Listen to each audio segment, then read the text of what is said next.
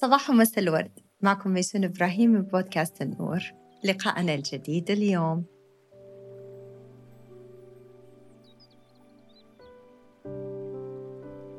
آه بعمر الثلاث سنين كان عندي زي آه اللي هي قصة كده مش ملونة وأنا بلونها وكان عندي أول صديق آه اكتسبته من دي اللي هو دفتر الألوان ده. كان اسمه وني تابو.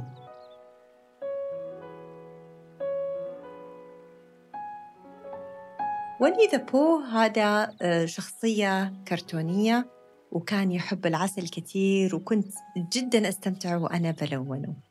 مع الوقت آه، زاد عدد أصدقائي من هذه المجموعة صار عندي صديق اسمه ميكي ماوس وبدأت ألون الميكي ماوس. وكبر شوية وكبرت أحلامي وكمان كبروا أصدقائي صار عندي صديقة سندريلا وبياض الثلج الجميلة والوحش وهكذا.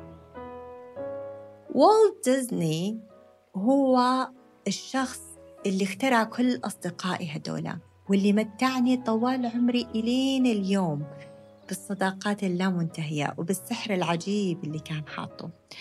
آه والت ديزني بدأ أول أنشطته وأعماله كبزنس بعمر ال 18 سنة. وبدأت كلها بحلم. بعام 1901 انولد بعام 1966 توفى. وحقيقة حلم كل ديك الفترة من عمر ال 18 سنة إلين وفاته في 1966 بديزني وولد عالم الديزني الخيالي اللي كان بس في داخل دماغه. كان كل تركيزه أنه يطلع على أرض الواقع واللي حقيقة صار في عام 1971 بعد ما توفى. ولكن درجة إيمانه بحلمه خلت غيره حتى كمان يسعى لتحقيقه. آه الآن تبلغ عوائد الدخل لشركة الديزني بالسنة ما يقارب المليارين دولار. الدخل الصافي لهذه الشركة مليارين دولار بالسنة من حلم. حلقتنا لليوم اسمها أولا في الثراء تبغى تكون ثري؟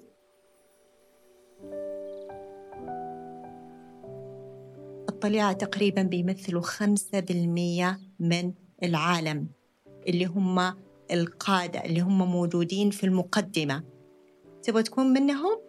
لازم تفكر زيهم لازم تشوف هم إيش بيعملوا هم دائما بيبدأوا بالخلق الذهني قبل الخلق العملي. هذا قانونهم. إيش يعني الخلق الذهني قبل الخلق العملي؟ عندهم فكرة أنه دائما لازم أحلم وبعدين أنفذ حلمي. اللي بيصير بالضبط كالتالي.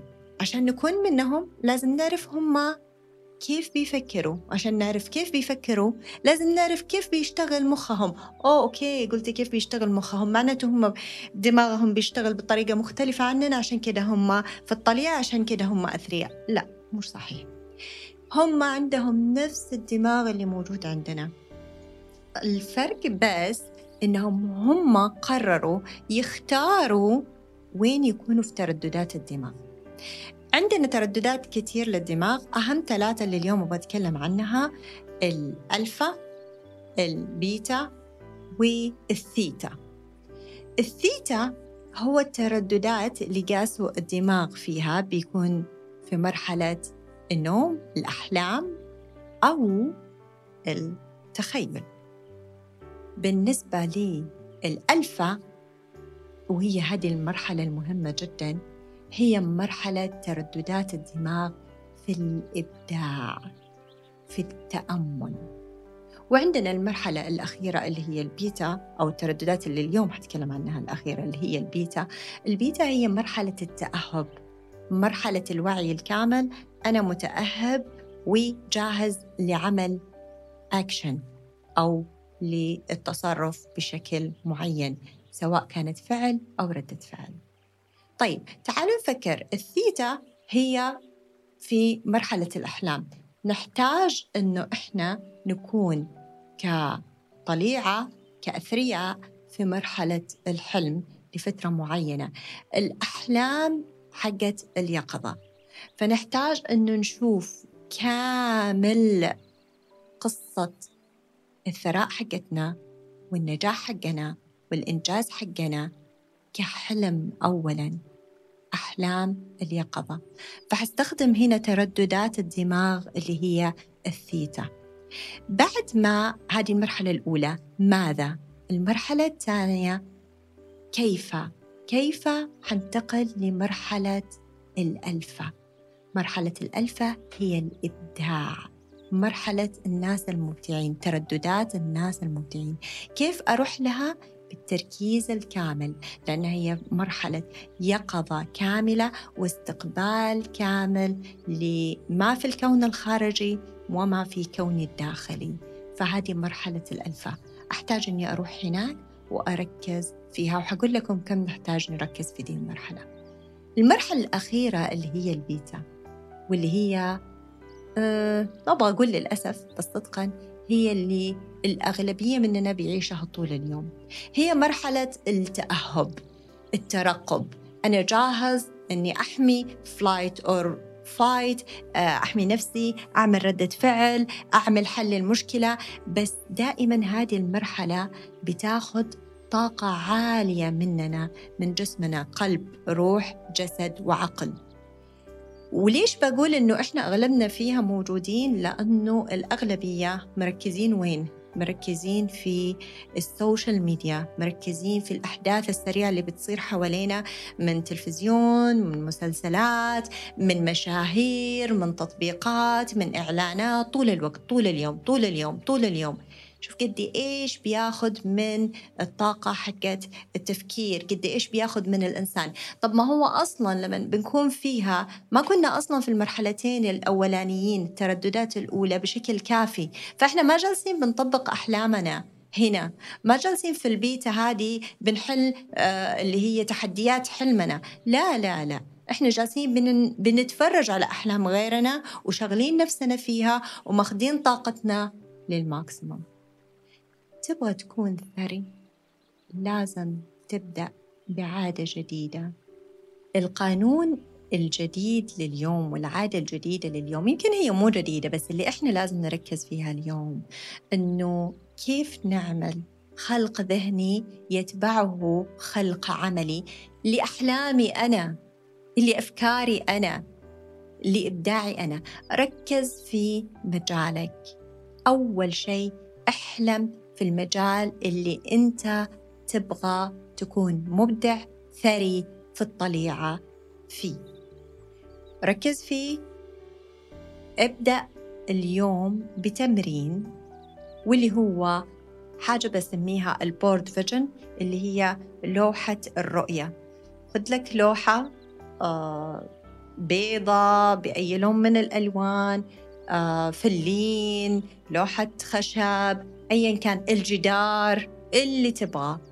وروح شوف حلمك كثري. كيف حيكون شكلك؟ كيف حيكون لبسك؟ كيف حيكون بيتك؟ كيف حيكون أكلك؟ إيش حيكون إيش حيكون طريقة ال games اللي بتلعبها التمارين اللي بتسويها كيف الناس اللي حوالينك كيف المكان اللي أنت عايش فيه إيش شكل المنتج الأخير اللي تبغى توصل له. كلها الإنترنت مليان بكل الصور.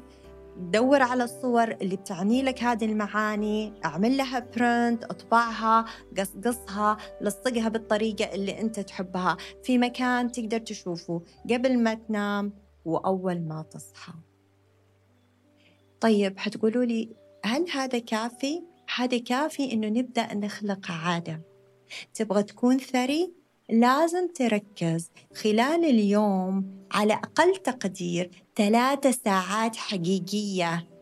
بعيد عن كل ال social media بعيد عن كل الملهيات عن كل المشتتات عن ال TV وعن الناس أيوه وعن كل شيء. معليش هذه الساعتين للثلاث ساعات حقتك أنت. أنت جدير فيها. أنت تستحق إنك تحقق حلمك فيها اللي كنت فيه في ترددات الثيتا. الآن خليك في ترددات الألفا ابدع. ما يكفي إنك تسمع بودكاست مدته 10 أو 15 أو 20 دقيقة. هذه كلها بس أدوات. لكن حلمك ما راح يحققه غيرك أنت. ثراءك ما راح أحد يعمله غيرك أنت. نرجع مرة تانية ونقول إنه حنبني هذه العادة. إني أنا حأحلم. أولاً بكامل التفاصيل. رائحة المكان شكل المكان الألوان حرارة الغرفة أو حرارة شركتي أو حرارة المكان اللي أنا فيه درجات الحرارة كل شيء كل شيء. حأشوفه كامل كامل. حشوف سيارتي وأنا بنزل منها حشوف الطريق اللي بنزل منها حشوف لبسي حشوف كل حاجة. أول شيء بأحلام اليقظة. بعد كده حنقولها لمرحلة الألفا حبدأ أبدع كيف أخليها ريالستيك كيف أخليها حقيقة؟ كيف أخليها على أرض الواقع؟ من ساعتين لثلاث ساعات وأنا بأكتب وبأقرأ وبخطط في مجالي اللي حكون ثري فيه. خلي عندك دايما آخر قطعة بازل في التركيبة. خلي عندك آخر قطعة للتركيبة. الدنيا خليها اللي حوالينك ما تكتمل إلا فيك. كده يصنع الثراء. كده الأثرياء يصنعوا مالهم. المال بيكون تحصيل حاصل لأنه هو صار خبير في مجاله. حيقدم أحسن شيء عنده. آخر مرحلة حتكون دايما في البيتا هي للتحسين المستمر. بس أنا راح آخذ أقل جزء من البيتا وراح يكون فقط لتطبيق أحلامي أنا. أركز هناك. في مرحلة بناء العادة في ثلاثة آه، مراحل عمرية للعادة. عشان تصير عادة أول شيء هي بتكون فكرة. فإحنا اليوم إحنا قلنا أنه أولا في الثراء لازم أني أكون أنا آخر قطعة بصل آخر قطعة تركيبة للوحة اللي قدامي. الدنيا بتكتمل فيا. فبالتالي من هنا حأخلق وحيجي الثراء. وعلشان أكون دا الشيء حأبني هذه العادة الجديدة اللي هي بتبدأ أول حاجة بتحطيم العادات السابقة والقوانين السابقة اللي كنت عايشة واللي أنا كنت متوقعة أنه هي بس اللي صح. وأبدأ أني أسمح للشيء الجديد أنه يدخل كروتين يومي في حياتي. هذه المرحلة بتاخذ 20 يوم. العشرين يوم اللي بعدها لأنه تقريبا بيقولوا من 60 آه، ل 66 يوم عشان تبني عادة جديدة وتصبح نظام تلقائي عندك. طيب المرحلة الثانية من بناء العادة حتصيبك حالة نفسية من اللخبطة. أنا متلخبط. هو أنا بعمل صح؟ هو أنا أصلا كان مفروض أدخل ذا المجال هو أنا أصلا كان لازم أبدأ دي الفكرة هو حقيقي أنا حوصل لثراء ولا حوصل لأي مكان أصلا هو أنا ضايع هو أنا فين؟ وهذا طبيعي جدا إنه تجينا من فترة للتانية ممكن تكون كل يوم لأنه إذا كل يوم إحنا بنبدي عادات جديدة بناءة فعالة أكيد حيجينا مرحلة لخبطة. بين العادة القديمة والعادة الجديدة لأنه جسمي كله متعود على العادة القديمة مدمنها. فلما أبدأ عادة جديدة فيبدأ عنده لخبطة. أنت متأكد؟ أنت متأكد الدماغ بيصير عنده حالة من الخوف. أنت أكيد رايح في ذا الطريق إحنا متعودين على هناك. يمكن هذا الشيء.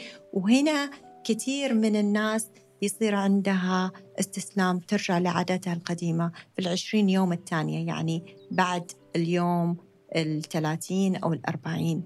واللي أنا بقوله إنه في هذه الفترة خلي حوالينكم ناس كتير من اللي ممكن يدعموكم ويؤمنوا فيكم واسمعوا كثير من البودكاستات أو المقاطع المحفزة.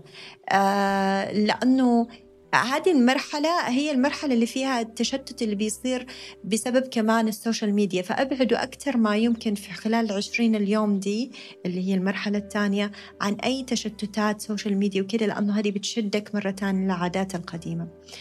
العادة المرحلة الثالثة من من بناء العادة هي مرحلة الانسجام. بيصير عندك انسجام كامل عقل روح جسد وقلب في عادتك الجديدة. وهنا بيبدأ مرحلة جديدة في كل شيء في حياتك لأنك قدرت أنك بكل وعي تبني عادة جديدة وتتحكم بعاداتك القديمة تلغيها أو تحسنها أيا كان. فهنا يصنع الثراء. وكان في مقولة شهيرة لوالت ديزني مدام أنت تقدر تحلم بشيء صدقني تقدر تسويه.